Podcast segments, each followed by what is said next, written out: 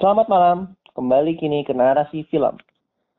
Menyambut tahun baru 2021, kita kemarin sudah menyebutkan 209 film terbaik di tahun ini hmm, via uh, melalui situs dari Rotten Tomatoes. Sekarang kita akan membahas film terakhir, salah satu film yang cukup mungkin bisa masuk nominasi Oscar untuk uh, nominasi animasi terbaik. Sepertinya. Dan saya tidak sendiri kembali, kembali saya ditemani oleh dua CS saya, Ira dan juga Asti. Say hi. Hai. Hai CS. Kita sekarang akan membahas film apa guys? Uh, so, Film dari mana? dari Disney Pixar tanpa ongkos. Oke, ini film keberapa Pixar ya tahun ini? Dua ya, setelah Onward ya. Onward Oh Pixar. iya, Onward awal tahun banget, ini akhir tahun banget. Dan melalui streaming Disney Plus ya. Hmm, hmm. Oke, eh, kita mulai dulu dari siapa ini membahas on, eh, Onward, Minati. membahas Soul dulu. Biasanya Miss Asli akan memberikan sedikit ya singkat. Apa itu eh Soul itu film tentang apa sih jiwa-jiwa gitu? Kalian sama review Miss Asti boleh lah. Tentang kopi ya. Ya, soal, soal, soal itu intinya menceritakan seorang seorang musisi nih, musisi. Dia musisi ini dia punya musisi ini sih eh, di apa seorang musisi yang eh Struggling ya. mm, struggling dan bekerja sebagai seorang sebagai seorang yang pokoknya kalau musisi itu kan punya impian untuk jadi sesuatu yang besar gitu. Tapi malah dia bekerja jadi yang seseorang yang biasa-biasa aja dan tidak sesuai sama bakatnya. Ketika nah ketika ada suatu kesempatan besar datang malah si musisi ini sesuatu yang udah dia tunggu-tunggu. Ya mungkin hampir hampir selama dia hidup lah ya selama dia jadi musisi akhirnya di ternyata dia itu malah mengalami suatu kecelakaan gitu. Dan dia harus masuk ke alam lain gitu. Nah Hmm. eh, dia kan masih belum terima nih keadaan dia yang ternyata sudah sudah harus selesai waktunya di dunia ini. Dia berusaha untuk keluar dari alam lain ini gitu. Di alam lain ini eh, ternyata dia menemukan eh, banyak sekali sesuatu salah satunya jiwa-jiwa yang belum dilahirkan gitu. Dia kan jiwa yang udah jadi ya yang udah punya keinginan yang udah eh, punya cita-cita ingin jadi sesuatu gitu. Dia dia ketemu sama jiwa-jiwa yang belum jadi dan ada salah satu jiwa yang kok berbeda dari jiwa yang lainnya gitu. Nah, film ini nanti akan menceritakan perjalanan perjalanan dia di bagaimana dia bisakah dia keluar dari alam lain dan balik lagi ke dunia untuk menuntaskan mimpinya dan gimana nih jiwa yang menurut dia berbeda ini? Apakah ada kelanjutan juga cerita mereka sama-sama? Gitu.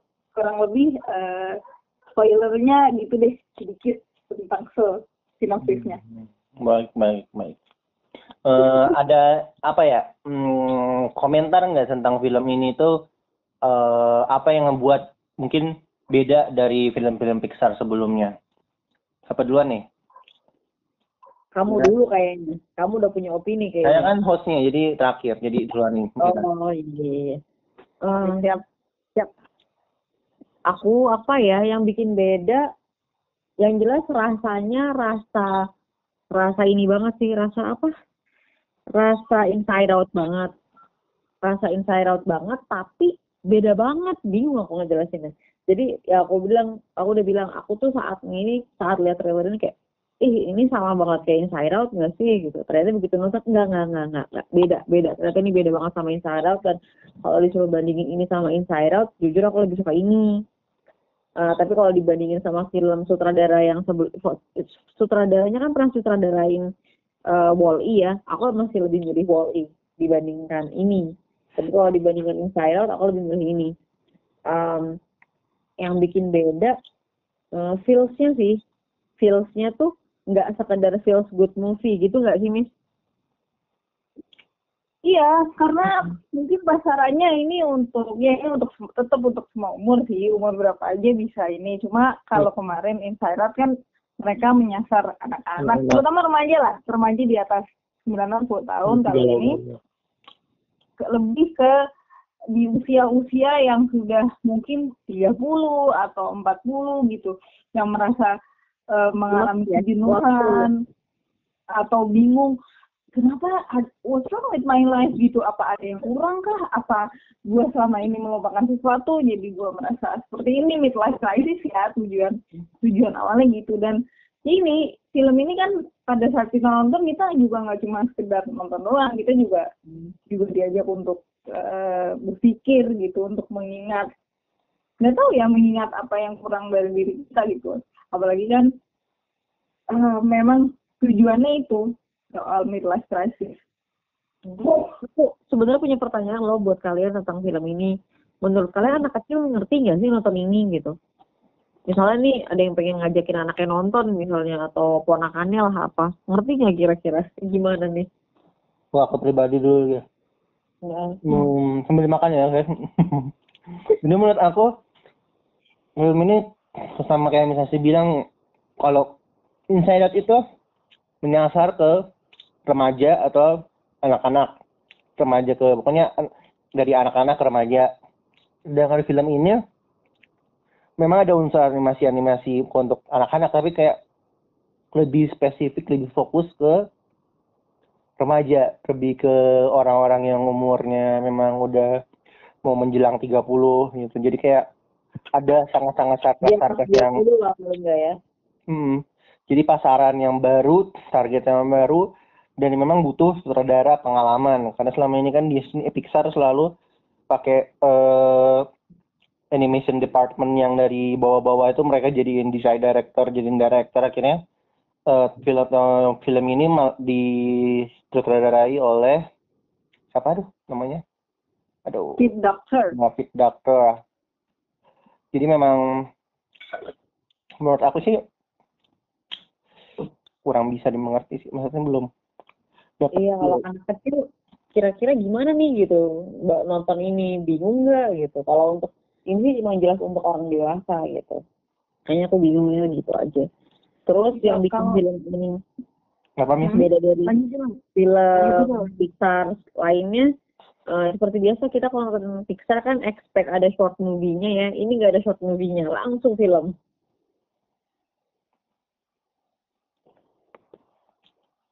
Oke? Oke. Ya, itu aja. Terus terus apalagi yang apa sih yang menarik dari film ini sendiri? Kayak kenapa film ini dapat review yang sangat bagus di IMDb di Rotten Tomatoes beneran metascore-nya itu hijau banget 80 gitu. Pasti ada yang beda dong. Kalau karena biasanya kan beberapa tahun terakhir kayak ya Toy Story 4 terus apalagi itu kayak setelah Up itu kayak menurut aku kayak Coco, Coco tuh Disney Pixar bukan? Kayak Hmm. kayak menurut aku kayak mereka tuh masih mencari aman nggak sih kayak masih targetnya mereka tuh anak-anak sedangkan Hmm. sedangkan Soul itu mulai Disney alias Pixar nggak tahu si Doctor dan CS ini berani meninggalkan zona nyamannya setelah si tukang sex assault si Lasseter pergi. Jadi mereka berbenah diri mereka datengin apa mereka ngebuat film yang bertema biar menarik penonton-penonton de- dewasa ya. Karena kan karena kan film Hollywood sama film pasar film Hollywood itu kan pasar-pasar film animasi lainnya itu beda contohnya kayak Jepang gitu. Mereka ada film-film animasi yang khusus orang-orang dewasa ada yang khusus orang-orang remaja ada yang khusus anak-anak. Jadi jadi menurut aku lebih itu memang different style. Kalau menurut film ini tuh kalau inget zaman dulu tuh kan ada buku Chicken Soup for the Soul gitu. Kalau ini tuh kayak movie for the soul. kayak yes. baca covernya doang. Good kayak movie for the soul gitu bahwa ternyata butuh suntikan eh apa ya di, di era seperti ini ya di era seperti ini pandemi mungkin ada yang lay off atau apa-apa apa gitu yang mungkin karena kita WFH atau apa jadi timbul pertanyaan di uh, kepala banyak banget gitu what's the meaning of life? Terus gue itu selama ini ngapain aja sih? gitu umur gue segini ternyata gue gini kayak gitu gitu gitu. Jadi ternyata butuh masukan hmm, yang butuh infuse uh, yang butuh infuse energy for the soul itu nggak cuma anak kecil doang gitu kayaknya gitu ya. Terutama iya, benar, benar. justru justru malah yang kayak buat yang yang sedang menjalani ini loh yang masih struggling ini loh. Uh, untuk supaya nggak nyerah itu butuh juga si infuse infuse jadi sebenarnya film ini cocok banget sih buat era pandemi ini gitu dan meaningful banget. Jadi kayak ya uh, bukan bukan bukan ya jadi kayak gini. Kayak what what are you going to do with my life? Uh, what are you going to do with your life? Terus jawabannya I don't know gitu. Tapi I'm going to live my life each day gitu. Jadi kayak carpe diem seize the days gitu. Jadi intinya nggak usah terlalu pusing tentang gimana gimana gimana. Nggak usah terlalu pusing tentang sesuatu yang nggak bisa kamu atur. Yang penting live your life fully gitu. To the fullest ya gitu ya gitulah nah, kalau aku mau nambahin. Ya, ya silakan masih ada nggak? Masih ada? Nah, udah udah. dilanjutin? Kalau aku mau nambahin yang buat anak-anak itu mungkin memang ini lebih lebih ke orang dewasa kan. Cuma mungkin ini bagus juga untuk kasih tahu anak-anak bahwa kan kalau anak-anak berpikir bahwa orang dewasa itu keren gitu. Mereka hmm. have everything and no problem gitu. Tapi di film ini mungkin kok orang ini seperti kebingungan kok orang ini seperti uh, uh, masih mencari pekerjaan yang dia suka gitu. Jadi dengan film ini mungkin kita bisa menjelaskan ke anak-anak. Apalagi kan ini tersedia di layanan streaming ya bahwa umur berapapun uh, usia berapapun kamu akan bisa mengalami kebingungan atau akan bisa mengalami masalah. Ya contohnya dia ini gitu. Meskipun mungkin mereka oh, belum bisa gitu ya. Ya tapi kan mereka tetap, tetap tersimpan di memori mereka. Apalagi bentuknya film yang bagus oh iya waktu itu aku pernah nonton film ini ternyata bener ya gitu beruntungnya anak-anak 2020 sekarang mereka hmm. langsung hmm. dapat contoh gitu being adult doesn't necessarily kan, have everything figured out gitu ya. Kadang-kadang iya.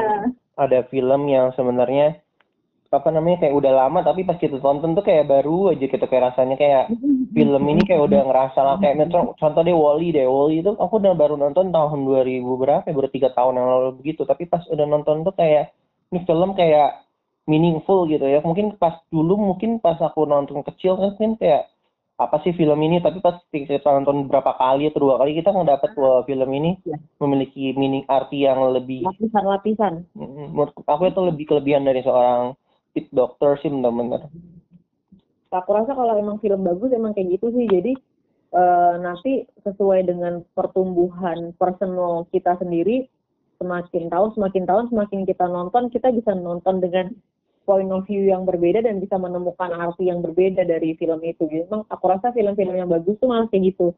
Kalau aku nemu kayak gitu berasa banget nonton Lord of the Ring. Jadi ya kayak gitulah. Emang emang kayak film yang bagus tuh kayak gitu. Jadi multi layer gitu. Jadi uh, setiap yang nonton bisa mengartikan yang berbeda tapi tidak kalah meaningfulnya intinya.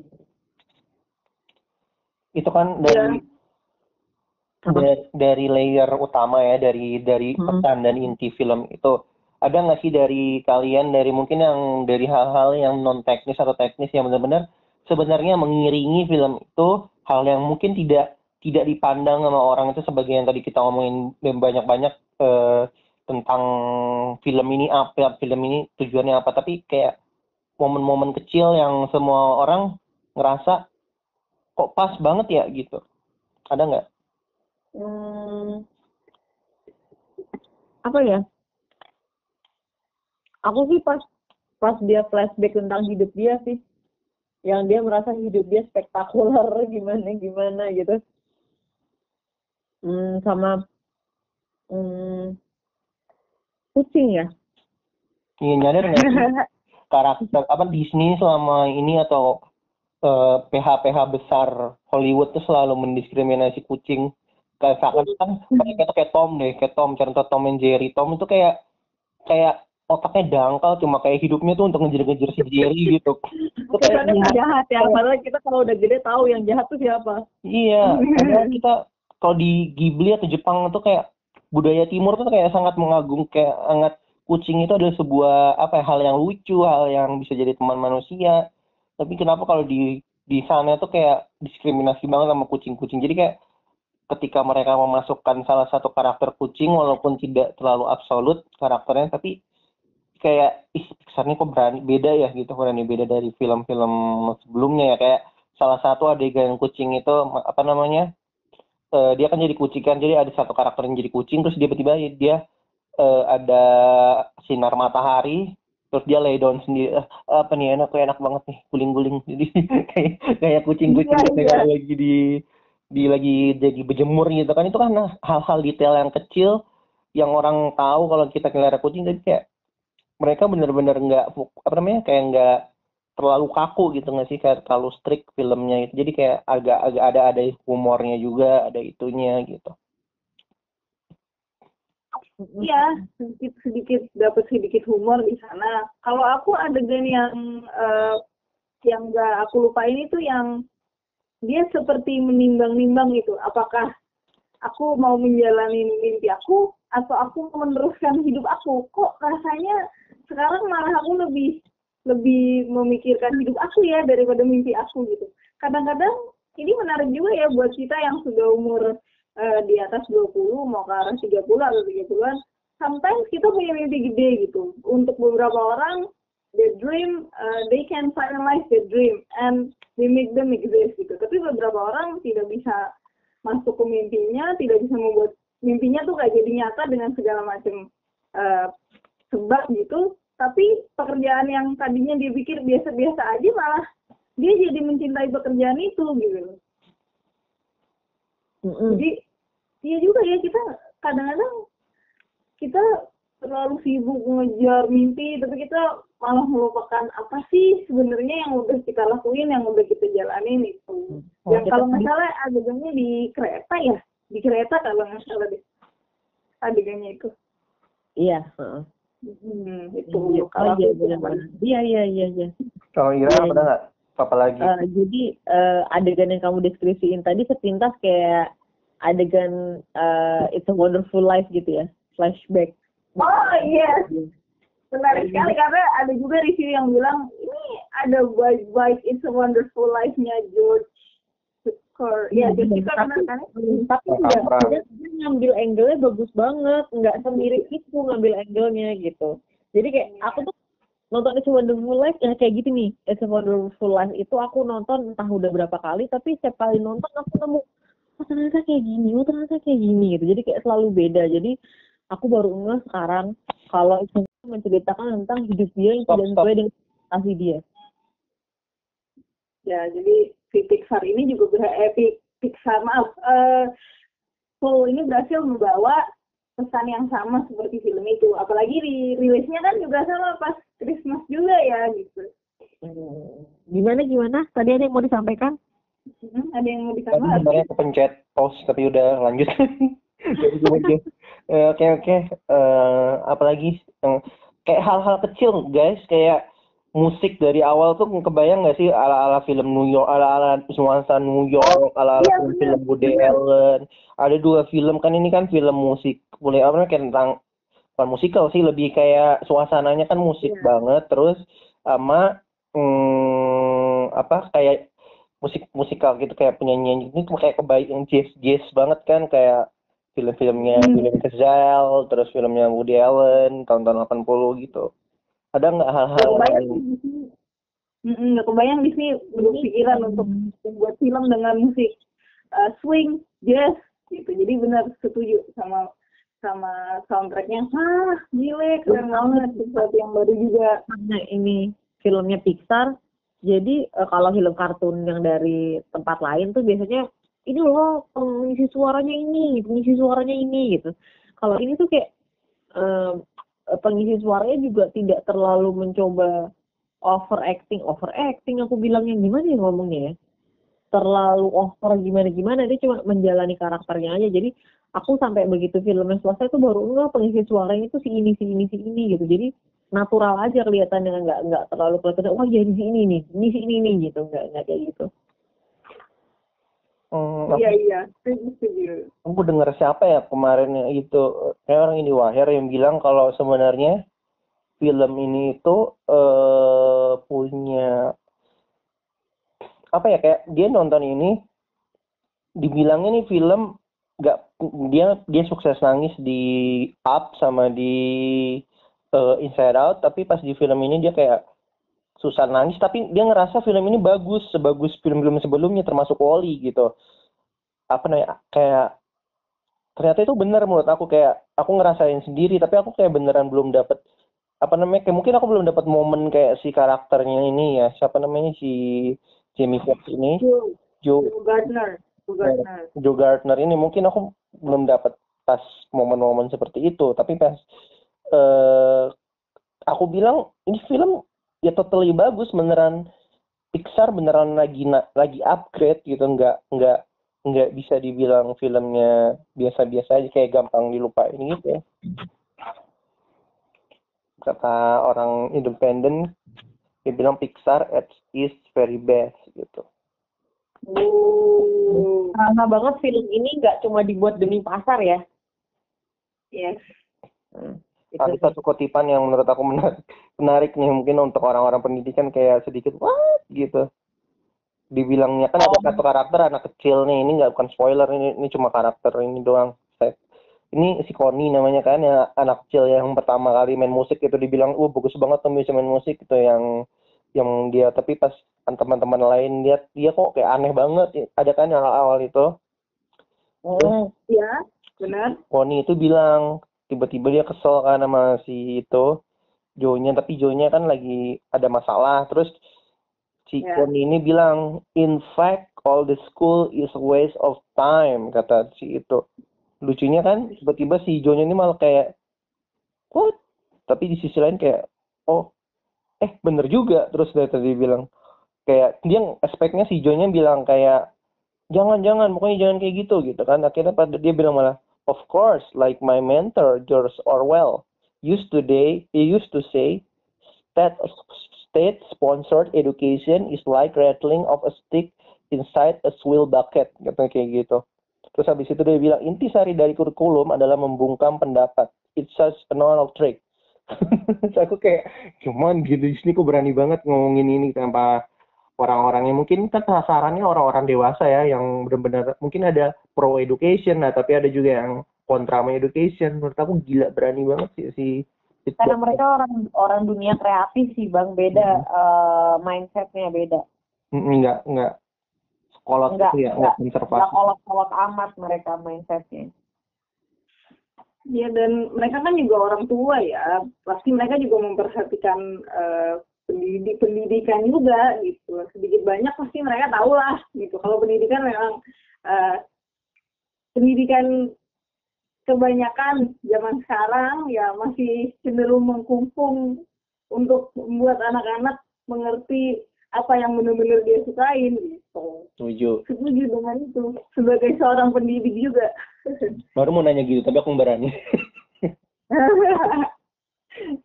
terus Setuju, setuju. Aku setuju kok. Panjang nih kalau dibahas nih. Ntar bisa jadi, wah topik itu lagi kayaknya.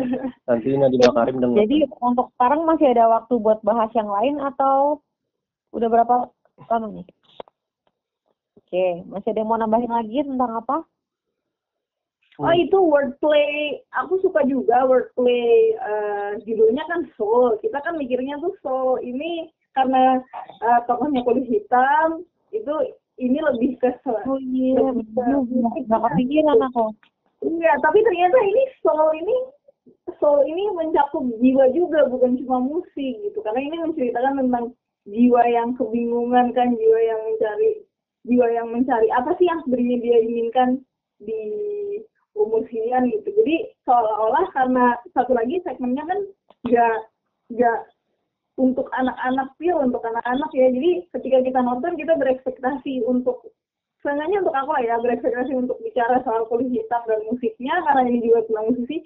Tapi ternyata ini jiwa loh. Oh ini mengingatkan kita tentang jiwa kita juga nih. Apakah kita udah bahagia di usia sekarang atau kita malah mempertanyakan sesuatu gitu. Wordplay-nya very very nice untuk judul.